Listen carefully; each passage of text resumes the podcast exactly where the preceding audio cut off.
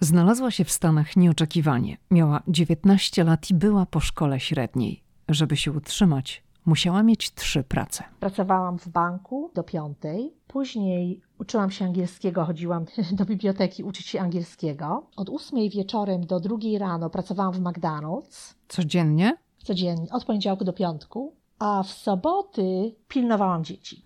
Dziś Joanna Siempa, która wyemigrowała do USA 30 lat temu, i którą zaprosiłam do podcastu, realizuje się na innym polu. Jest asystentem prawnym w kancelarii prawniczej, choć jeśli porównamy uprawnienia amerykańskiego paralegal z uprawnieniami asystenta prawnego w Polsce, to amerykańskie są bardziej szerokie. W odcinku porozmawiamy o emigracji do USA, początkach, podnoszeniu kwalifikacji oraz o pracy paralegal, czyli asystenta prawnego. Ale zanim zaczniemy, chciałam jeszcze szybko poinformować, iż z okazji Black Friday Week między 21 a 28 listopada będzie promocja na naszą książkę Ameryka i my we wszystkich formatach. Także jeśli chcecie kupić ją ze zniżką, to wstrzymajcie się do 21 listopada. Sprzedaż będzie prowadzona jak zwykle na stronie www.amerykaimy.pl.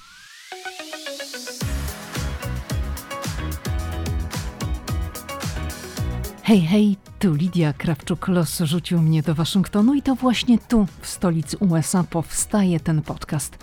Opowiadam w nim o Ameryce, o podróżowaniu po Stanach, a z moimi gośćmi rozmawiam o życiu w USA. Ameryka mnie fascynuje. Jeśli Ciebie także ciekawią Stany i lubisz słuchać inspirujących rozmów, to ten podcast Ameryka i ja jest dla Ciebie. Cześć Joanno. Cześć Lidia. Powiedz Janno, nad jaką sprawą obecnie pracujesz? Oczywiście powiedz tyle, ile możesz, bo zakładam, że mm, obowiązuje cię poufność i nie wszystko możesz powiedzieć, ale może mogłabyś chociaż troszeczkę uchylić rąbka tajemnicy. Um, obecnie pracuję nad sprawą dotyczącą dużego statku, który uderzył w jeden z mostów niedaleko Nowego Jorku i wyrządził bardzo duże szkody materialne i y, zginęło tam dwie osoby, które pracowały na tym okręcie. To już od razu uchylamy kolejnego rąbka tajemnicy, bo będziemy dzisiaj w odcinku rozmawiać o Twojej pracy, między innymi pracy asystenta prawnego. Po angielsku ten zawód nazywa się paralegal i on jest taki asystent prawny w Stanach Zjednoczonych ma inne kompetencje, inne zadania, inne obowiązki niż, niż w Polsce i skupimy się na tym wątku, bo to jest bardzo ciekawy wątek. Natomiast może zaczniemy od samego początku, czyli od tego, jak się znalazłaś w Stanach Zjednoczonych. A los rzucił mnie do New Jersey ponad 30 lat temu. Y, wylądowałam w New Jersey w kwietniu w 1992 roku dokładnie w dzień urodzin mojego męża, którego jeszcze wtedy nie znałam. Przyjechałam tutaj, ponieważ wylosowałam zieloną kartę. Czy to było Twoje marzenie, żeby wyjechać do Stanów i wziąć udział w losowaniu zielonej karty? Dlaczego nie, nie, nie. to się wydarzyło? To nigdy nie było, przepraszam, nie, to nigdy nie było moje marzenie. Yy, nigdy nie myślałam o wyjeździe do Stanów Zjednoczonych. Nie wiedziałam w ogóle, co to jest zielona karta. Yy, uczęszczając do liceum ogólnokształcącego w Polsce, poznałam tam koleżankę, która w 1991 roku przeprowadziła się do New Jersey ze swoimi rodzicami i ze swoim rodzeństwem. I wkrótce po przyjeździe tutaj wypełniła dla mnie aplikację na loterię Zielonej Karty. I ja tę kartę wylosowałam. Po kilku miesiącach załatwiania formalności i przekonywania moich rodziców, żeby pozwolili mi na przyjazd tutaj, w kwietniu 1992 roku z 300 dolarami w kieszeni wylądowałam y, na lotnisku Newark w New Jersey. Miałam wtedy 19 lat. To jak taka 19-letnia dziewczyna? Byłaś kiedyś wcześniej w Stanach Zjednoczonych? Nie byłam nigdy wcześniej w Stanach Zjednoczonych. To był mój pierwszy raz, pierwszy raz lot samolotem. Nigdy wcześniej nie leciałam samolotem. Nigdy wcześniej nie byłam w Stanach Zjednoczonych, ani nawet nie marzyłam, nie myślałam o, nie planowałam przyjazdu do Stanów Zjednoczonych. Zakładam, że to był szok, bo rok 1992 w Polsce to jest ten okres wychodzenia z komunizmu. No i jeszcze takiego dobrobytu w Polsce nie było. Oczywiście wiele rzeczy się zaczęło zmieniać już po 90 roku, no ale przyjazd w 92 do Ameryki to chyba był szok. To był olbrzymi szok, y, wyjeżdżając właśnie z pokomunistycznej Polski, sam lot samolotem, a przede wszystkim lądowanie nad Nowym Jorkiem, gdzie wtedy, w tamtych latach samolot kołował nad Manhattanem.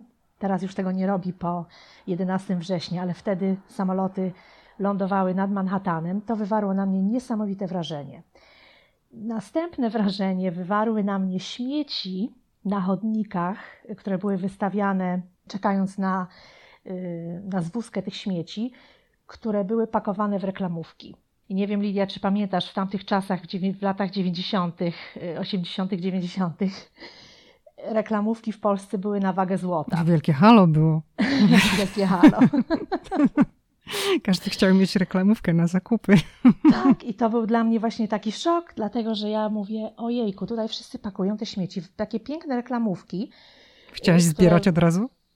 Chciałam od razu zbierać te reklamówki. Tak, także to był następny szok. Zaraz po przyjeździe tutaj zamieszkałam u mojej koleżanki, mieszkałam z jej rodzicami i z jej rodzeństwem. Y, to są wspaniali ludzie, którzy zaopiekowali się mną. A to była ta koleżanka, która wypełniła aplikację? Tak. Po dwóch dniach poszłam już do pracy. Oni załatwili mi pracę w piekarni. To była włoska piekarnia. Pamiętam, zarabiałam 4 dolary 25 centów na godzinę. I to była kupa to forsy dla ciebie, nie? Oczy tak, to była minimalna stawka tutaj, ale, ale w przeliczeniu na złotówki i w moich oczach to była, to była fortuna na tamte czasy. Mhm. Tam pracowałam kilka miesięcy. Później znalazłam pracę na, na tak zwanym domku, gdzie pilnowałam dzieci.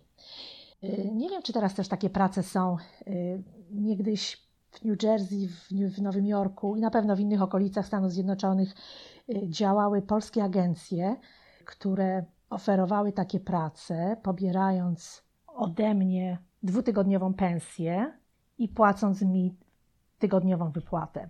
A ludzie, u których pracowałaś, płacili tej agencji, agencja płaciła tobie i pobierała tą dwutygodniową pensję. Także w taki sposób znalazłam pracę jako niańka. Zarabiałam tam 250 dolarów na tydzień, co było bardzo dużo pieniędzy na tamte czasy. To było dużo I... pieniędzy mm, na tamte czasy dla ciebie? Dla mnie. Mhm. dla tak, mnie. tak. Jak, jak byś to odniosła do ówczesnego amerykańskiego rynku pracy? Ówczesnego. Ówcześnie to prawdopodobnie mm, można by było powiedzieć, że to jest około 750-750 dolarów na tydzień. Mhm. Y, dlatego, że po kilku miesiącach pracy tam, y, gdzie ja zaoszczędzałam te pieniądze, ponieważ ja tam mieszkałam od poniedziałku do piątku, ja byłam w stanie zaoszczędzić sobie wystarczająco pieniędzy, żeby kupić samochód i wynająć pokój. Na mieszkanie całe nie byłam nie stać, ale wynajęłam pokój. Czyli dosyć szybko stałaś się niezależna w Stanach. Tak. tak. Dobrze, to chciałabym mm, jeszcze wrócić do tego początku. Masz 19 lat, jesteś po szkole średniej. Czy ty mówisz po angielsku, kiedy przylatujesz do Stanów? Nie, nie mówiłam po angielsku, dlatego że jak zapewne pamiętasz, w tamtym okresie Y, w szkołach Rosyjski. uczyliśmy się rosyjskiego. Mhm. Ja miałam wprawdzie angielski w liceum ogólnokształcącym, ale to była, o ile pamiętam, to była jedna albo dwie godziny tygodniowo. I z tego, co teraz z perspektywy czasu pamiętam, że ta nauczycielka, która uczyła nas tego języka angielskiego, naprawdę jej język angielski był na minimalnym poziomie. Powiem Ci, co umiałam. Umiałam powiedzieć hi, bye, how do you do i umiałam powiedzieć Ojcze Nasz, który wkuwaliśmy na pamięć. No bardzo przydatne to było, zwłaszcza po przylocie do Ameryki. Szalenie, mhm. szalenie przydatne. Także mój angielski był praktycznie na poziomie zerowym. To jak ty się odnalazłaś w pracy w piekarni? Czy to była jakaś polonijna, polska piekarnia? Nie, włoska mówiłaś. No to jak ty tam pracowałaś, jak nie mówiłaś po angielsku? To była włoska piekarnia, w której w większości pracowali Polacy. Mhm. Później, jak poszłam do pracy na domek, na, do pilnowania dzieci, to była czwórka dzieci, których pilnowałam, tam przy pracy przy dzieciach y, zaczęłam się uczyć bardzo intensywnie angielskiego. I A co to znaczy? W jaki sposób się uczyłaś? Zapisałaś się do szkoły, czy, czy sama się uczyłaś? Uczyłam się sama na początku.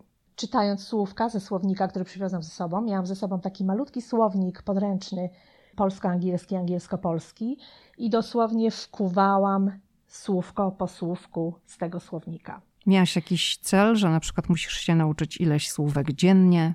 Tak, na początku to było pięć słówek dziennie i ja te słówka miałam w zeszyt. Te słówka pisałam w zeszycie po 10, po 15 razy. Powtarzałam je. Później z pięciu słówek zrobiło się 10, później już byłam w stanie się nauczyć nawet 15 słówek, ponieważ te słówka po czasie, jak już znasz, masz zasób słów, to te słowa są naprawdę do siebie niektóre podobne. Ale też pewnie Przecież... pamięć ci, mm, tak wiesz, się poprawiła, że szybciej byłaś w stanie zapamiętać niż na początku. Być może. Mhm. Prawdopodobnie tak. Poza tym, wiesz, mając 19-20 lat, ten, ten umysł jest zupełnie inny. Inne czasy, tak. Tak. tak. A powiedz, czy masz ten słownik do dzisiaj, z którego tak wkuwałaś słówka? Mam ten słownik do dzisiaj. Mam ten słownik do dzisiaj i prawdopodobnie nigdy go nie wyrzucę. Um, nosiłam go zawsze ze sobą, powtarzałam te słówka. Miałam słówka zapisane na malutkich karteczkach, które nosiłam ze sobą w kieszeni. Wyjmowałam te karteczki, czytałam te 5-10 słówek i w ten sposób ogarnęłam prawie cały, cały, wszystkie słówka z tego słownika. To ile to było tych był... słówek? Wiesz co, nie wiem, muszę sprawdzić ile. To nie był duży słownik, to był taki mały, podręczny słownik, mhm. Y, który mieści się do ręki. No ale trochę tam y, było tych słówek. No, było, tak. Mhm. I dopiero, wiesz, jak już miałam zasięg, y, jak już miałam, jak już znałam słowa, wtedy dopiero zapisałam się do szkoły i zdecydowałam, zdecydowałam się pójść do Community College, który oferował English as a Second Language, czyli kursy ESL, czyli w przetłumaczeniu angielski jako drugi język, ale szybko zrezygnowałam z tego, ponieważ do tego college chodzili sami Polacy. Te kursy były bardzo drogie i ja stwierdziłam, że nie stać mnie, żeby płacić tak dużo pieniędzy, żeby iść do klasy, w której, w której są sami Polacy. I, i, i nie, nie widziałam w tym żadnej korzyści, ponieważ rozmawialiśmy w czasie lekcji po polsku. Znaczy między sobą, tak? Między sobą, tak. A nauczyciel nie reagował? Y, no wiesz, nauczyciel troszkę reagował, ale to było. To nie było dla mnie. Nie, nie, nie wynosiłam z tego, z tego kursu. No rozumiem. Mhm. Dużo. Y, ale nie Natomiast skończyłaś na, na, na tym kursie. Nie skończyłam na tym kursie. Y, później znalazłam grupę kobiet, grupę nauczycielek angielskiego tutaj w Stanach Zjednoczonych, które były na emeryturze które w lokalnej bibliotece prowadziły lekcje angielskiego dla emigrantów. Mhm. I one bardzo pomogły mi w nauce angielskiego.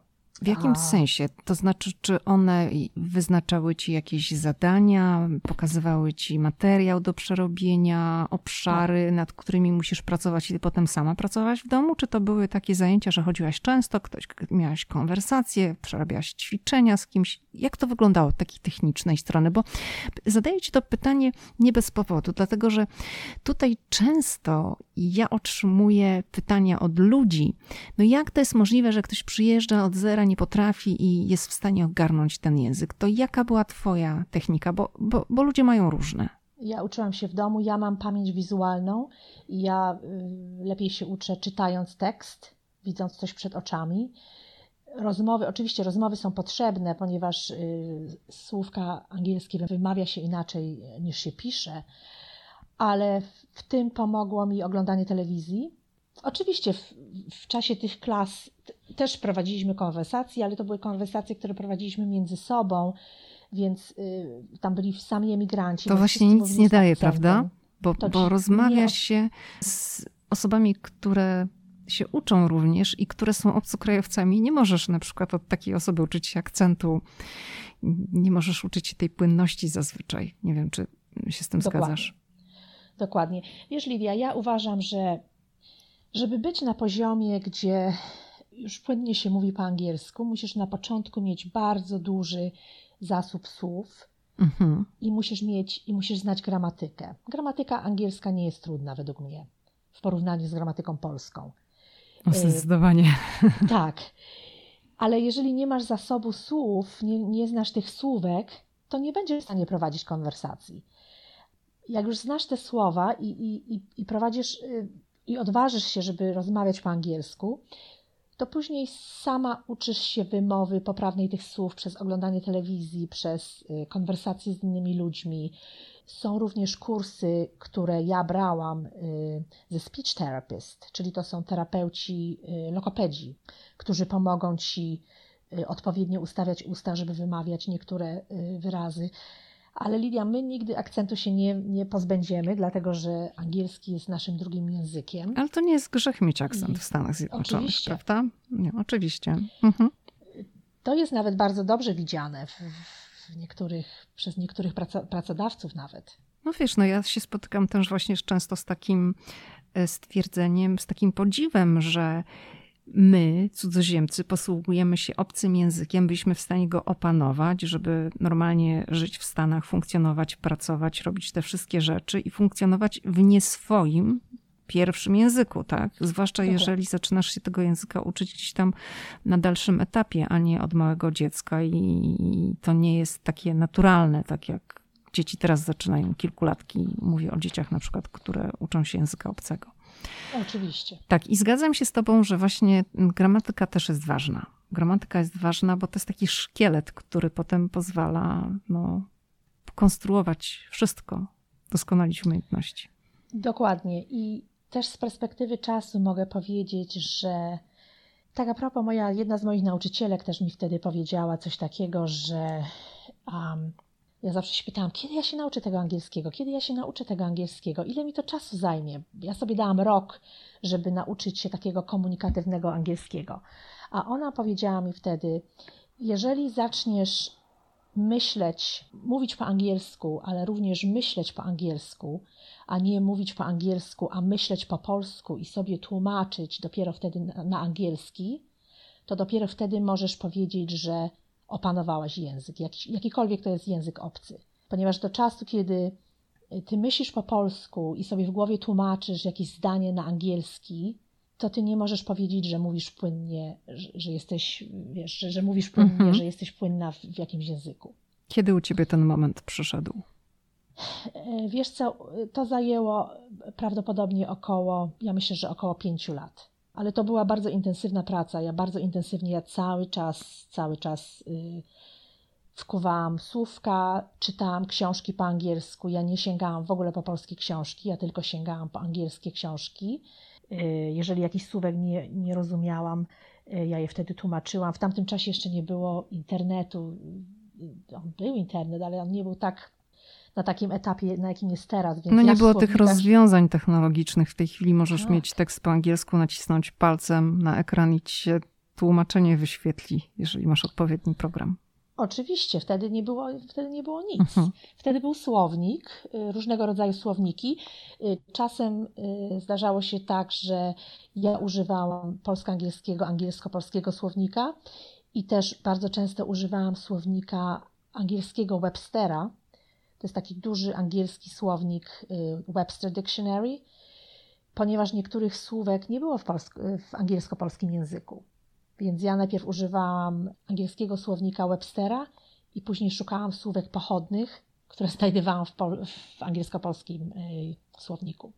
Także to był bardzo, bardzo skomplikowany proces, ale y, ja byłam zdeterminowana, ponieważ powiedziałam sobie, że jeżeli nie nauczę się języka, to nie mogę mieszkać w tym kraju i, będę musiała wrócić do Polski. A do Polski nie chciałam wrócić. A powiedz, Joanna, kiedy nastąpił ten moment, gdy ty sobie pomyślałaś, że no chcesz iść dalej, bo żeby też wyłączyć się, żeby nie być wyłącznie w takim środowisku polonijnym, bo powiedziałaś, że twoja pierwsza praca to była włoska piekarnia, ale pracowali tam praktycznie sami Polacy, potem była ta opieka nad, nad dziećmi. Teraz jesteś w zupełnie innym miejscu. Twoim mężem jest Amerykanin, obracasz się tak naprawdę wyłącznie w amerykańskim środowisku. To jak, kiedy i jak nastąpił ten moment, że postanowiłaś trochę pójść inną drogą? Na początku mojego pobytu tutaj w Stanach Zjednoczonych y, wiele razy y, bardzo zawiodłam się na Polakach. Mhm. I, i, wiesz, nie chcę negatywnie mówić o, o, Polakach, to nie o to chodzi, ale, ale w moim przypadku w latach 90. było tutaj bardzo dużo ludzi. Nie wiem, czy dalej tacy ludzie tutaj są, czy nie ma ich już, ale było bardzo dużo ludzi, którzy y, wykorzystywali nowych emigrantów, którzy przyjeżdżali tutaj bez znajomości języka. Ja byłam wtedy młodą dziewczyną i, i, i bardzo, bardzo wiele osób y, wykorzystało mnie. W jakim Chodziłam sensie? W sensie, y, wiesz, chodziłam do pracy, nie miałam za tą pracę płaconą. Przede wszystkim chodziło o pieniądze. Ludzie, ludzie mnie finansowo oszukiwali.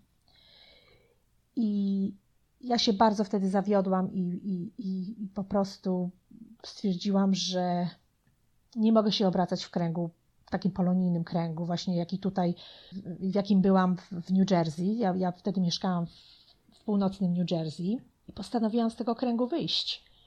I, i, I też doszłam do wniosku, że mieszkając w tym kraju nie możesz, nie możesz mieszkać w okolicy, gdzie są polskie banki, polskie sklepy, polskie, wiesz, polskie wszystko, ponieważ jeżeli Bo masz małą Polskę.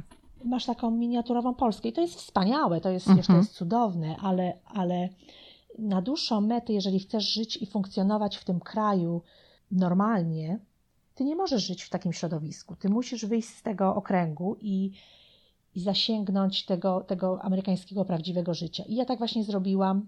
To w jaki sposób Te- wyszłaś? Co zrobiłaś konkretnie? Yy, zaczęłam pracować po pracy, przy, przy, będąc niańką, yy, też doszłam do wniosku, że na dłuższą metę to nie jest praca, którą ja chcę wykonywać. I potrzebowałam również ubezpieczenia medycznego, która ta praca nie oferowała. I znalazłam sobie bank, pracę w banku. I praca w tym banku pozwoliła mi wyjść poza obręb, poza ten obręb polonijny. To już była praca w amerykańskim banku. To była praca w amerykańskim banku. Pracowałam y, jako pani przy okienku i tam poznałam wspaniałych ludzi, wspaniałe kobiety, które bardzo mi pomogły, otwarły swoje ramiona i, i, i były, y, one ze mną moje słówka powtarzały, one poprawiały moją wymowę i y, to do dzisiejszego dnia jestem przyjaciół, bardzo, bardzo bliska z dwoma kobietami z tego banku. Jesteśmy bardzo dobrymi przyjaciółkami. I y, pracowałam tam kilka, kilka lat, po czym moja szefowa z tego banku odeszła i poszła, przeniosła się do innej firmy, przeniosła się do dużej korporacji ubezpieczeń medycznych i ona zaproponowała mi, żebym ja z nią poszła do tej, do tej dużej firmy. I ja się zgodziłam, ponieważ y, ta praca była o wiele bardziej płatna niż praca w banku, ponieważ praca w banku płaciła minimalne, minimalne pieniądze. Ja musiałam pracować trzy prace, żeby się utrzymać. Pracowałam w banku od dziewiątej chyba do czwartej, albo od dziewiątej do piątej. Później uczyłam się angielskiego, chodziłam do tych moich pań do biblioteki uczy, uczyć się angielskiego. Od godziny dziesiątej w nocy do, przepraszam, od, od ósmej wieczorem do drugiej rano pracowałam w McDonald's Codziennie? codziennie, od poniedziałku do piątku. Od ósmej wieczorem do drugiej w nocy? Do drugiej Mhm. w nocy, tak. A w soboty pilnowałam dzieci. To musiałaś mieć te trzy prace po to, żeby związać koniec z końcem, czy miałaś jakiś cel finansowy? żeby wiązać koniec z końcem. Żeby mieszkać na takim, wiesz, żeby, żeby, żeby mieć samochód, żeby, żeby ubezpieczyć, żeby opłacić sobie ubezpieczenie na ten samochód, ponieważ ubezpieczenie na mój samochód y, wtedy było astronomiczne, ponieważ ja byłam młodym kierowcą. Mieszkanie w New Jersey jest szalenie drogie. W ogóle ubezpieczenie na samochód w stanie New Jersey jest szalenie drogie. I wiesz, utrzymać się musiałam. Czy to było jeszcze w tym okresie 20, plus, czy już byłaś po 30? 20 plus. To wszystko było w okresie 20 plus. Czyli to był ten początek. Czy jeszcze miałaś siłę, żebyś tak no, zaiwaniać, powiem, bo wiesz, jeżeli ty Tak. pracowałaś do czwartej po południu, tak, czy do piątej, Mhm. mm, miałaś tą przerwę potem na naukę i od ósmej do drugiej w nocy w McDonald's, no to rzeczywiście, to ty ciągle niewyspana musiałaś chodzić. Ciągle byłam niewyspana, ale wiesz, jak masz 22 lata, Mhm. tego tak nie, nie odczuwa się. Ja nie pamiętam, wiesz co, nie pamiętam nic negatywnego o tym. O tym, o tym czasie, o tym okresie w moim życiu. Nie, nie odbieram tego jako, wiesz, ja nigdy nie narzekałam, nigdy nie odbierałam tego jako ojejku, muszę iść do pracy, ojejku, jestem zmęczona. Y, Nigdy w ten sposób na to nie patrzyłam, tylko szłam przed siebie dzień za dniem, miałam cel. I, I wiesz, oczywiście też oszczędzałam pieniądze, ponieważ ja mm, starałam się jeździć do Polski y, raz w roku, więc na to też potrzebowałam pieniądze. Wyjazdy do Polski były i są drogie, kosztowne. I oszczędzałam też pieniądze, już miałam w celu iść, iść tutaj na studia, więc zaczęłam oszczędzać pieniądze na studia. Ale wiesz, to, samochód mój zawsze się psuł, zawsze coś, jakieś wydatki wyskakiwały, wiesz. Ja miałam stary samochód, ten samochód ciągle się psuł, musiałam go naprawiać. Poza tym, wiesz, do mieszkania ja musiałam się urządzić, musiałam kupić wszystko od, od żarówki po gwoździk, po kanapę, po łóżko, po y, ręcznik, no wiesz, wszystko musiałam kupić, bo ja przyjechałam tutaj z jedną walizką. Czyli zakładam, że to był taki okres, kiedy nie za bardzo się interesowałaś, wiesz, żeby kupić sobie jakieś fajne ubrania, fajne buty i chodzić do klubów, tylko po prostu musiałaś pracować i zarabiać, żeby się utrzymać. Na fajne ciuchy nie było mnie stać. Kupowałam ciuchy w sklepach, których już teraz nie ma. Dawniej były y, takie tutaj sklepy, które nazywały się Joyce Leslie albo Mindy. Mhm. I w tych sklepach kupowałam y, ciuchy, ale to nie były żadne ciuchy firmowe, Lidia, bo ja nawet o tym, to, to w ogóle nie było nawet y, opcją kupić sobie jakiegoś ciucha firmowego, gdzie ja zarabiałam y, też w banku chyba 4 dolary 50, dolar, 50 centów na godzinę. Do klubów chodziłam czasem, powiedziałabym średnio może trzy razy w miesiącu. To nie tak źle w sumie. Mhm. Mhm. Y, do klubu chodziłam, jeździłam na Greenpoint, y, do klubu, który nazywał się Metro, Metro Club. To to już była wyprawa, wiesz, dlatego że na Brooklyn z New Jersey trzeba było jechać około 40 minut. Ale poczekaj, mówiłaś, że na Greenpoint to co, to był jakiś taki, że tam Polonia przychodziła, czy... Tak. Mhm. tak to A i to jednak cię znany. ciągnęło do tej Polonii trochę.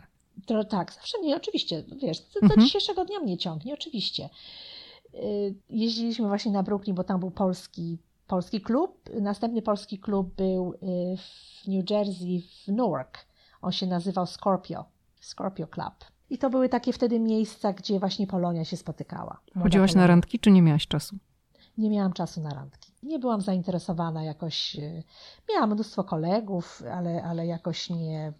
Raczej nie chodziłam na randki. Potem zaczęłaś chodzić.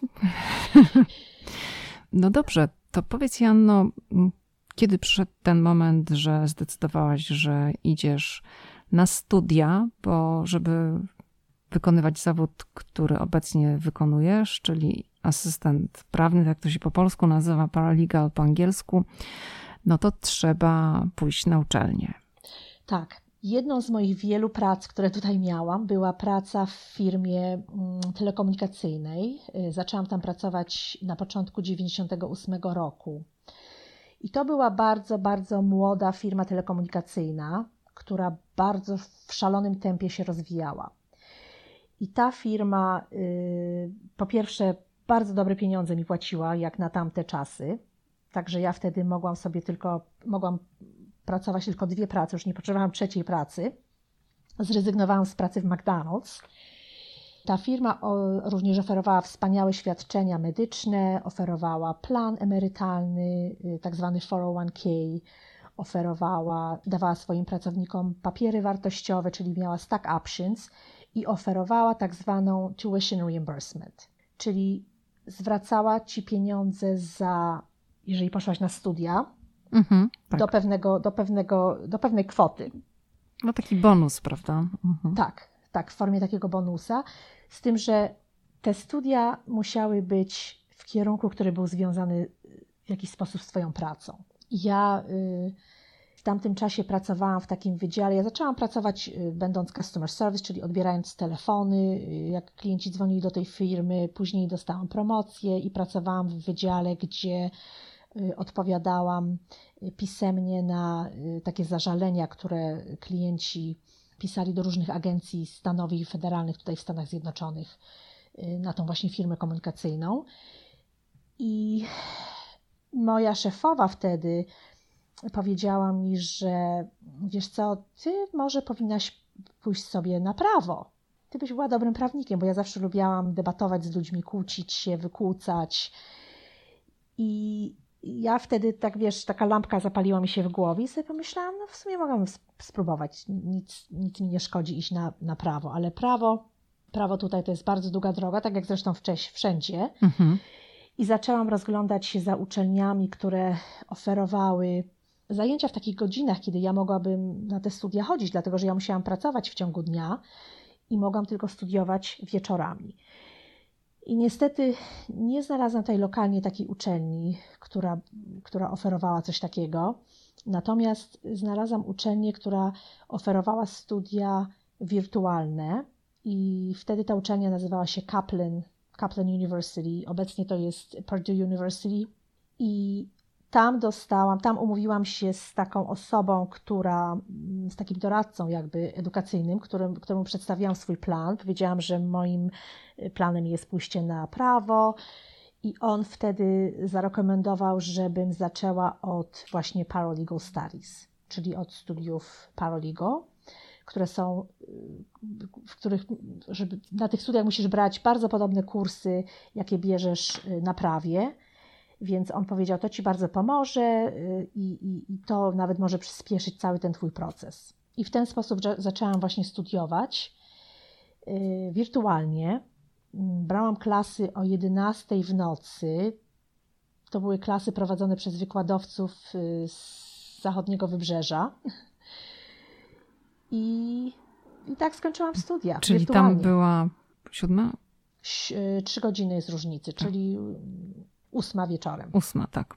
Ósma wieczorem. A który to był rok? Bo mówi, że to już były takie zajęcia wirtualne. To ciekawi mnie, który to był rok. Ja zaczęłam studiować w 2002 roku. 2001, końcówka 2001 roku. I to był, to w, te, w tamtym czasie to były, były tylko dwa uniwersytety, które oferowały takie studia.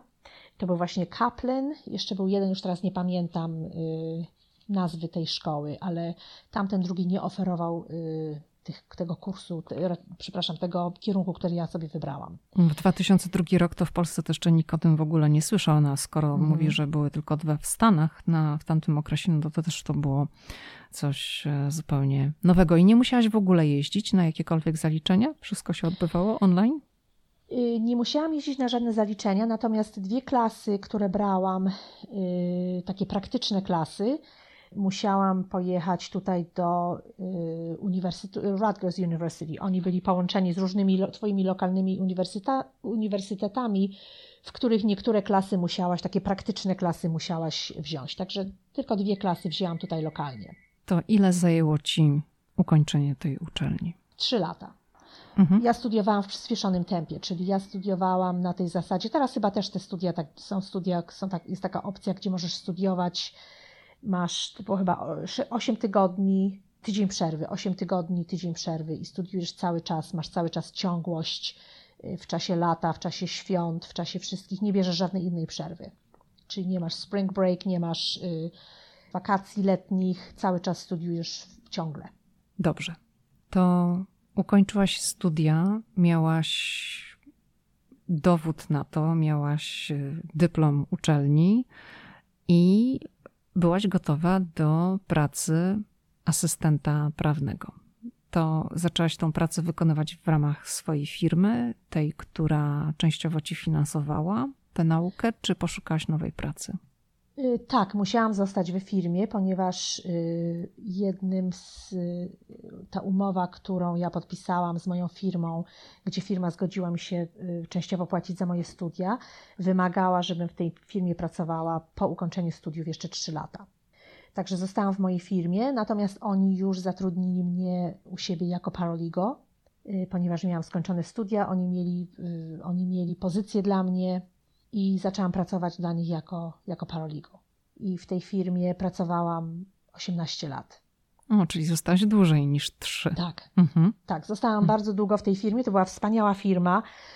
Tam się niesamowicie dużo Lidia nauczyłam, dlatego że tam, wiesz, ta firma oferowała cały czas y, jakieś kursy. Cały czas oni oferowali jakieś szkolenia. To były albo szkolenia wirtualne, albo szkolenia, gdzie siedziałaś w takiej klasie i przychodził wykładowca i, i, i robił wykłady.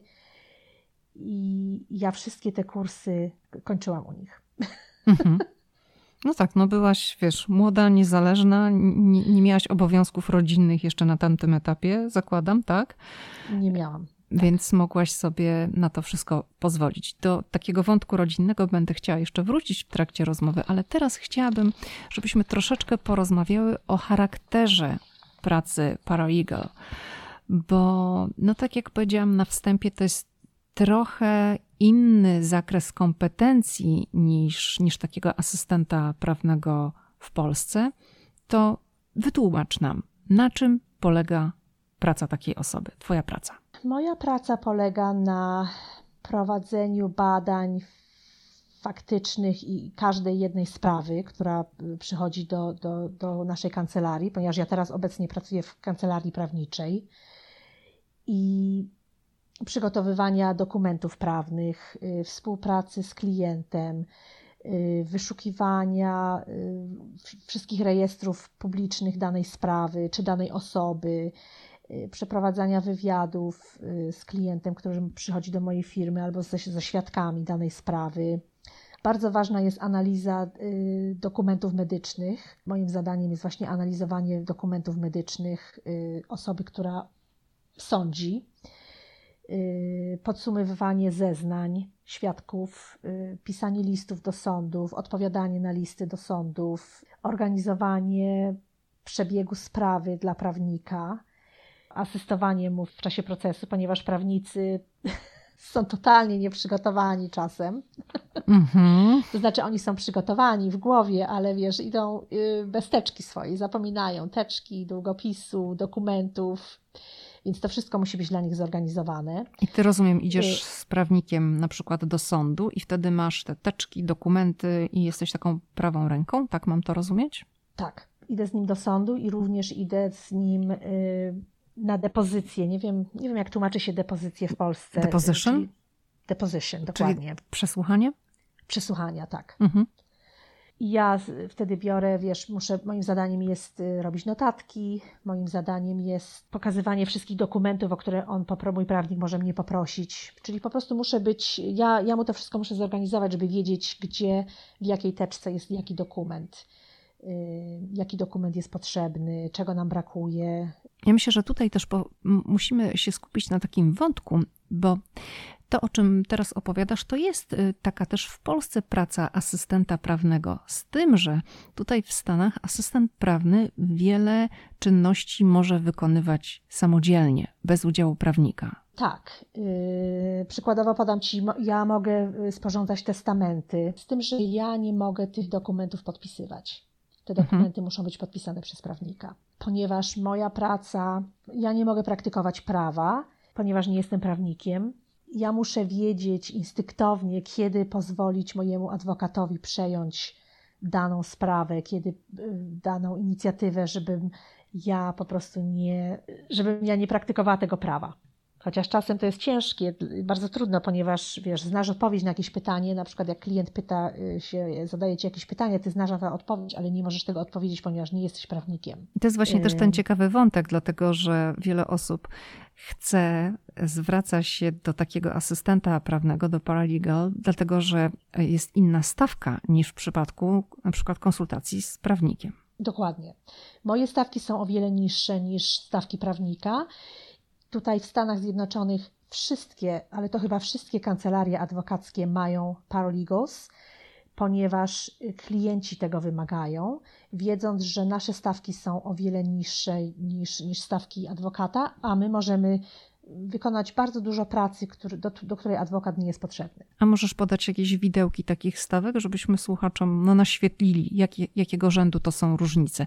Ja nie mówię, że masz podać swoją stawkę, bo zakładam, że to jest stawka kancelarii, tak? I, bo to też w różnych kancelariach różnie wynika, ale może jakieś takie tak. widełki. Y, tak, to jest stawka kancelarii, czyli ja nie mam płacone tyle, ile kancelaria pobiera od, od, od klienta ja od tego mam płacone y, procentowo. Ale podam Ci przykładowo, w New Jersey, w Nowym Jorku y, stawki prawnika wahają się w takiej dziedzinie, w której ja pracuję. I mówimy o stawkach godzinowych, prawda? O stawkach godzinowych. Y, mhm. Stawki wynoszą od 350 do 750 dolarów na godzinę.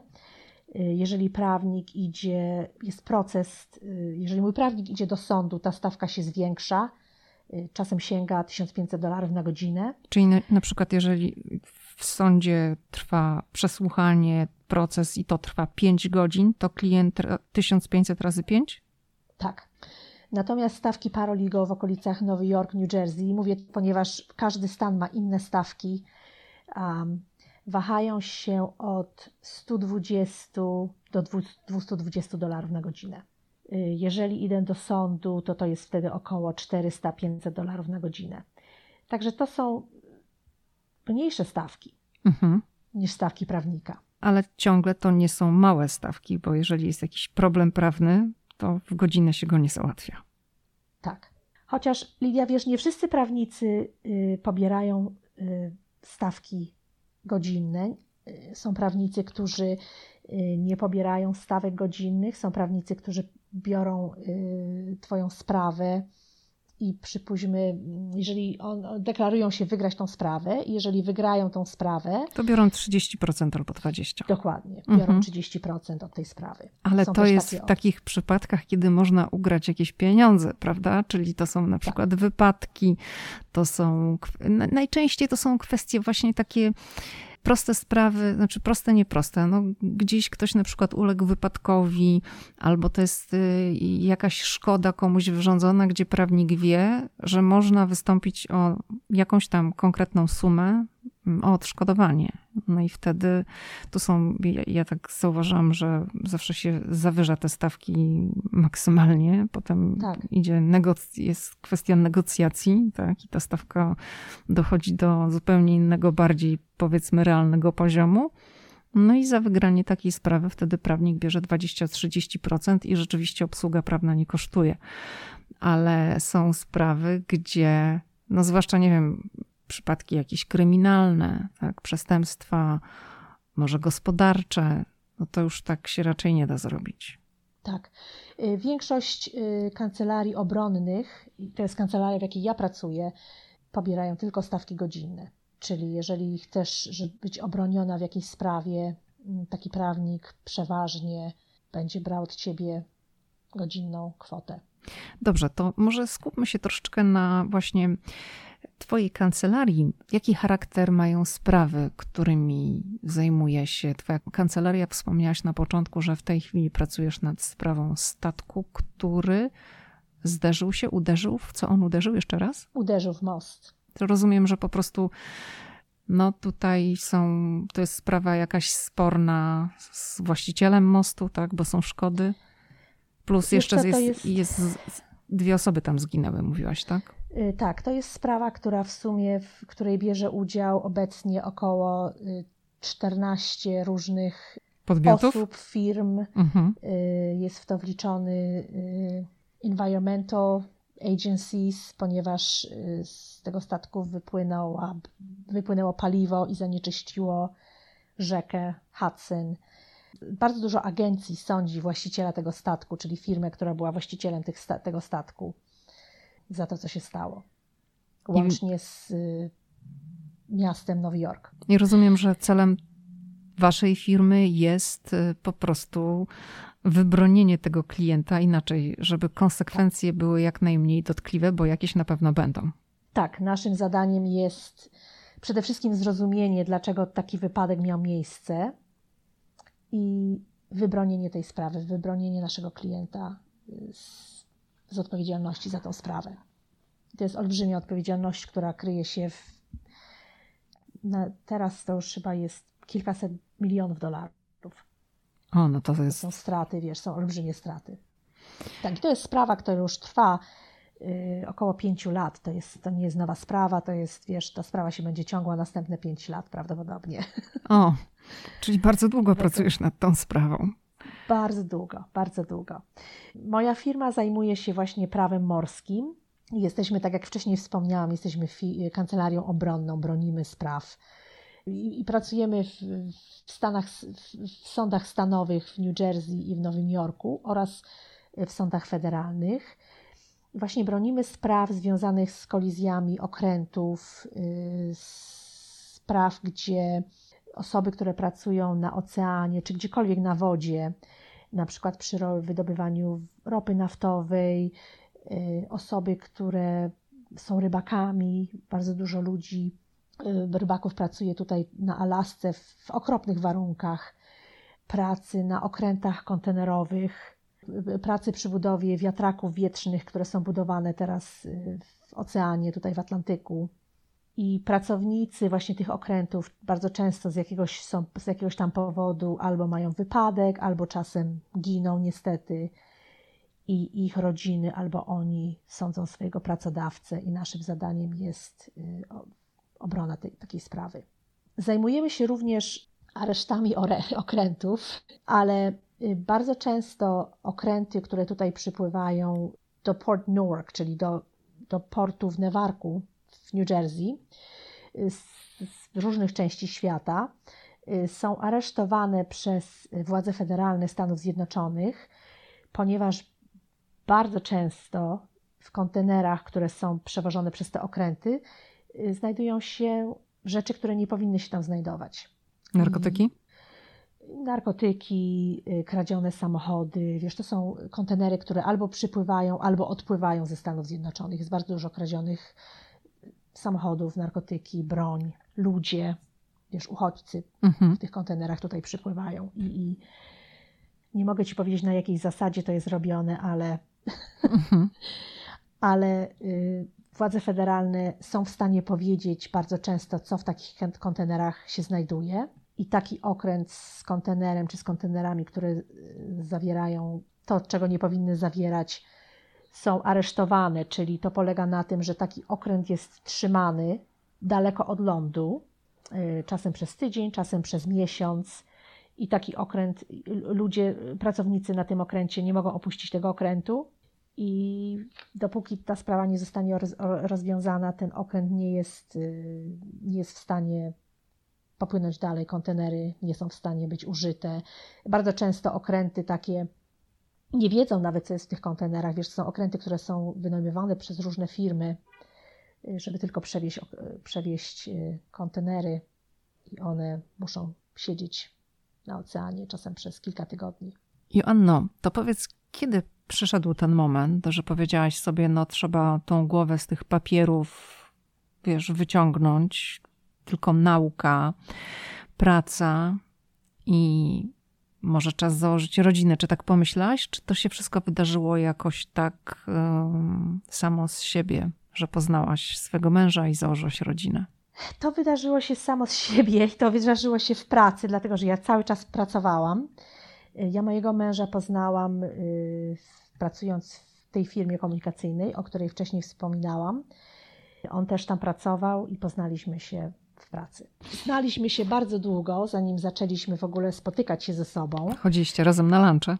Chodziliśmy razem na lunche, pracowaliśmy razem, chodziliśmy razem na happy hours w piątki, wiesz, na drinka, mhm. całymi grupami oczywiście ludzi.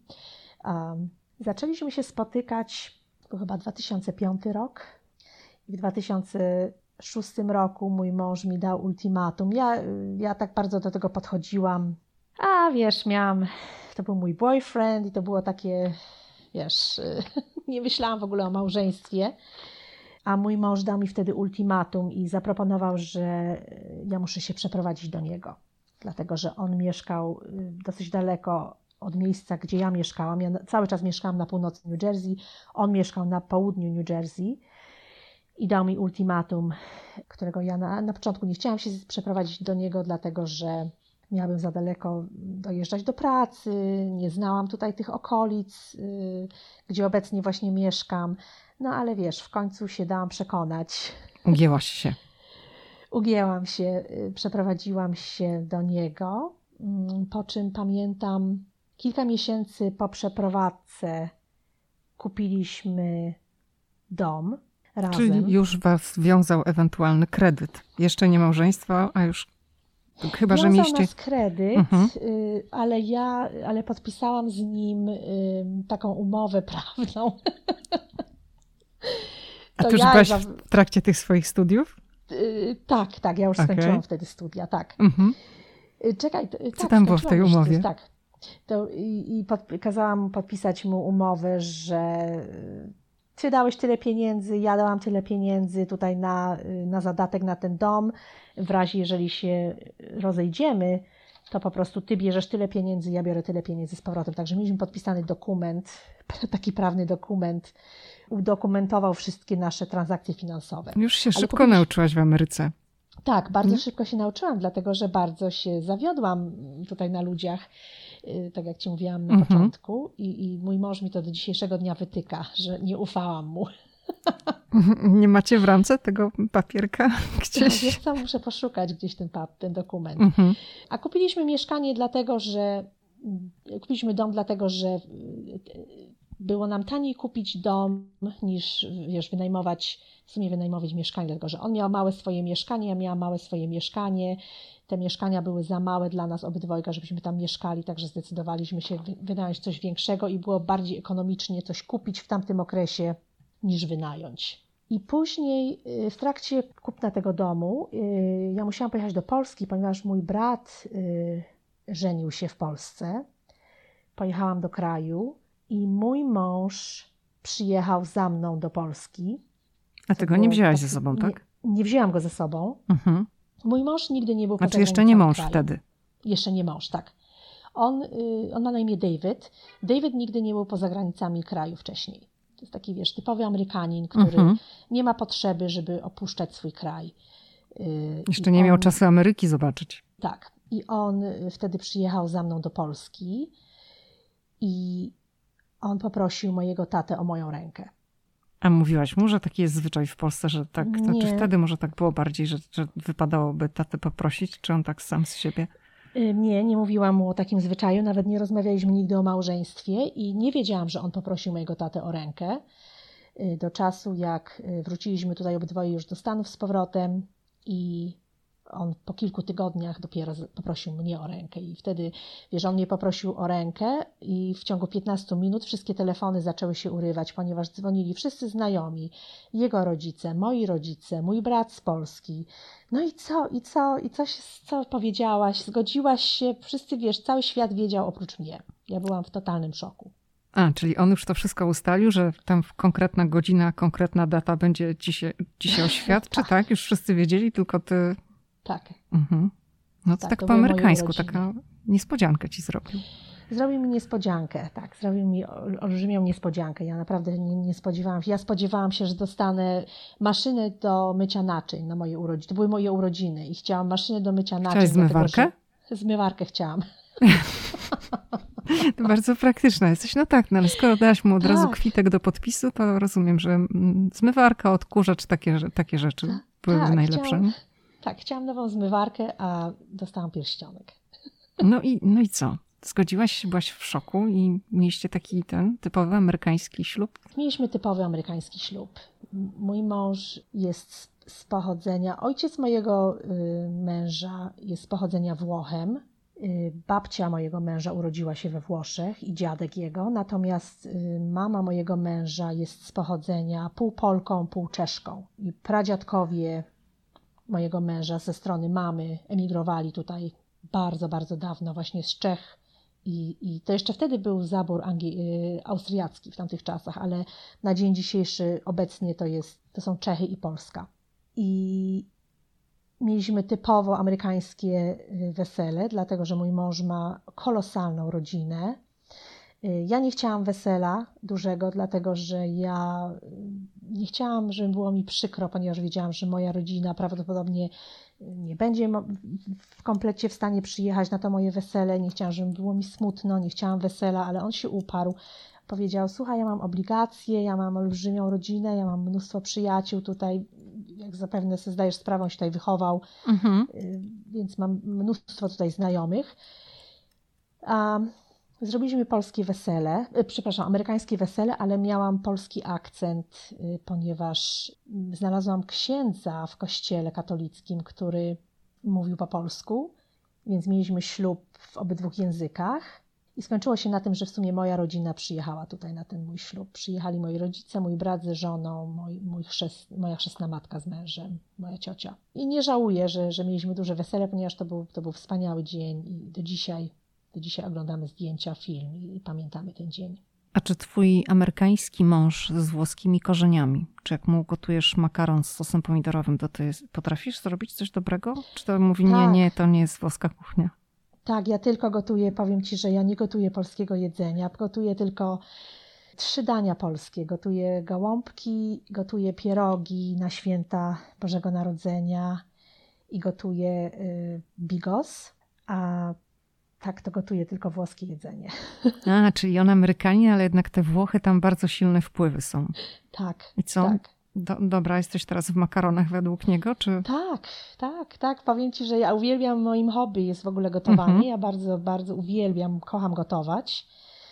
Mam bardzo dużo przepisów, które dostałam od y, cioci mojego męża, która jest, która urodziła się we Włoszech. Ona pochodzi z Neapolu. I ona nauczyła mnie gotować bardzo dużych, dużo dań. Wiesz, to są takie dania, które nie są gotowane z przepisu, tak jak polskie pierogi. Wiesz, nie możesz komuś dać przepisu na pierogi czy na kopytka, tylko to jest wszystko takie gotowanie na oko. Na oko, mhm.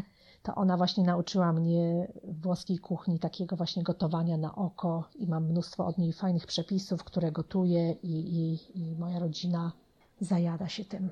A wasi synowie, bo macie dwóch synów, jak byś powiedziała, bo wiesz, no, ty jesteś z Polski, twój mąż jest Amerykaninem, ale z włoskimi korzeniami, gdzieś tam te czeskie się przenikają, więc wasi synowie, no to już jest też taka mieszanka, no bardzo taka kulturowa powiedziałabym, ale widzisz, że to są takie silne gdzieś tam wpływy, czy jednak to są Amerykanie? Wiesz co, yy... nasze dzieci to są Amerykanie. Mhm. Oni jednak są tak przesiąknięci y, tą kulturą amerykańską, która jest y, niesamowicie silna, że wiesz, nie mogę powiedzieć, że oni są Polakami albo Włochami. Oni mają włoskie nazwisko po moim mężu, ale tak zapewne jak wiesz, ponieważ wiem, że ty tutaj też masz syna małego, wiesz, tutaj od, od, od małego dziecka w szkole patriotyzm jest tak wpajany w nasze mhm. dzieci oni są bardzo z tego dumni, więc moi chłopcy y, zupełnie czują się, y, są Amerykanami. Oni nie, pod, nie, nie pozwolą sobie powiedzieć y, nic innego, nie mogę im powiedzieć, że oni są Polakami albo Włochami. Oni cały czas oni mówią, że są Amerykanami. I jak słyszą hymn amerykański, oni zatrzymują się, gdziekolwiek by nie byli, oni się zatrzymują, jeżeli mają czapkę, ściągają czapkę, kładą rękę na, na serce i stoją na baczność i śpiewają hymn. I to zostało im wpojone już, już od małego dziecka tutaj w żłobku, w szkole i, i tak już zostało. No tak, no to, to jest element tej kultury. Ja myślę, że mm, to jest dobre, wiesz, zwłaszcza, że to jest kraj imigrantów i no, w jaki sposób ludzie mają się utożsamiać z krajem, jeżeli te wpływy często rodzinne są takie, wiesz, duże i wiele osób jest z tak różnych krajów świata, że ten system, gdzie od małego ten patriotyzm jest tak bardzo akcentowany i, i tak jak powiedziałaś, uczy się go w szkole, że lekcja rozpoczyna się od takiej przysięgi na, na amerykańską flagę, że jest ten hymn, że no ma to swoje właśnie potem takie odzwierciedlenie w okazywaniu patriotyzmu przez Amerykanów potem w dorosłym życiu. I też tak sobie myślę, że tak jak w Twoim przypadku, w przypadku Twojej rodziny, kiedy Ty jesteś Polką, Twój mąż jest e, Amerykaninem, ale z takimi silnymi e, włoskimi korzeniami, to jest trudniej wychowywać nawet dzieci w jakimś takim duchu, nie wiem, polskim czy włoskim, jak one są tutaj, gdzie rodzice są z dwóch różnych krajów, niż tak jak rodzice są z obcego, tego samego kraju. Tak, tak, to, jest, to, jest, to nie jest łatwe, to jest, to jest bardzo trudne. Ja, wiesz, ja staram uczyć się chłopców yy, mówić po polsku ponieważ moi rodzice nie mówią po angielsku, ale, ale to zupełnie, wiesz, to, to, to oni minimalnie mówią po polsku, dlatego że, że ja nie mam takiej możliwości, żeby ich wysłać do polskiej szkoły. Poza tym, wiesz, nie, nie dbam o to, nie dbam o to tak bardzo, bo gdybym, być może gdybym zadbała o to tak bardzo, mogłabym wynająć nauczyciela y, zdalnie polskiego, ale po prostu ja nie uważam, że to jest w ich życiu tak bardzo ważne, a znają język polski komunikatywny na tyle, że są w stanie się porozumieć z moimi rodzicami troszkę. Joanno, tak na koniec chciałam Cię zapytać, może byśmy pokusiły się o zrobienie, Ty byś się pokusiła o zrobienie takiego bilansu, co Ci dała Ameryka i jak myślisz, jakby się potoczyło Twoje życie gdybyś no nie wylosowała zielonej karty? Ach, wiesz co, nigdy nie miałam czasu się zastanawiać e, nawet nad tym, dlatego że moje życie, e, ja byłam bardzo młoda, jak wyjechałam z, Polski, miałam wtedy 19 lat, przeżyłam tutaj większość mojego życia. I powiem Ci tylko jedno, lądując na lotnisku Newark w New Jersey w tym 92 roku, kiedy tutaj przyjechałam, ja od początku czułam, że Stany Zjednoczone są właśnie moim miejscem na ziemi i że znalazłam to moje miejsce na ziemi.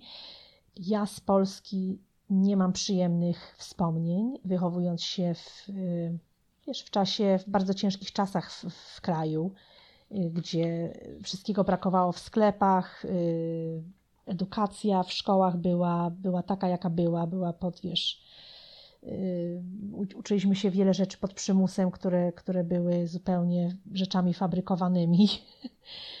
Nie wiem, gdzie bym była na dzień dzisiejszy. Prawdopodobnie skończyłabym jakieś studia w Polsce, miałabym prawdopodobnie rodzinę i, na pewno byłabym szczęśliwa, dlatego że ja jestem osobą, która zawsze, wiesz, dla mnie numer jeden yy, celem jest, jest zawsze szczęście ponad wszystko, ale tutaj jednak. Yy, pomimo, że jestem bardzo daleko od mojej rodziny, pomimo, że było mi bardzo, bardzo, bardzo ciężko przez pierwsze kilka lat na początku, nie zamieniłabym tego na nic. Czyli Ameryka to jest dla ciebie taki spełnienie twojego amerykańskiego snu, tego American Dream.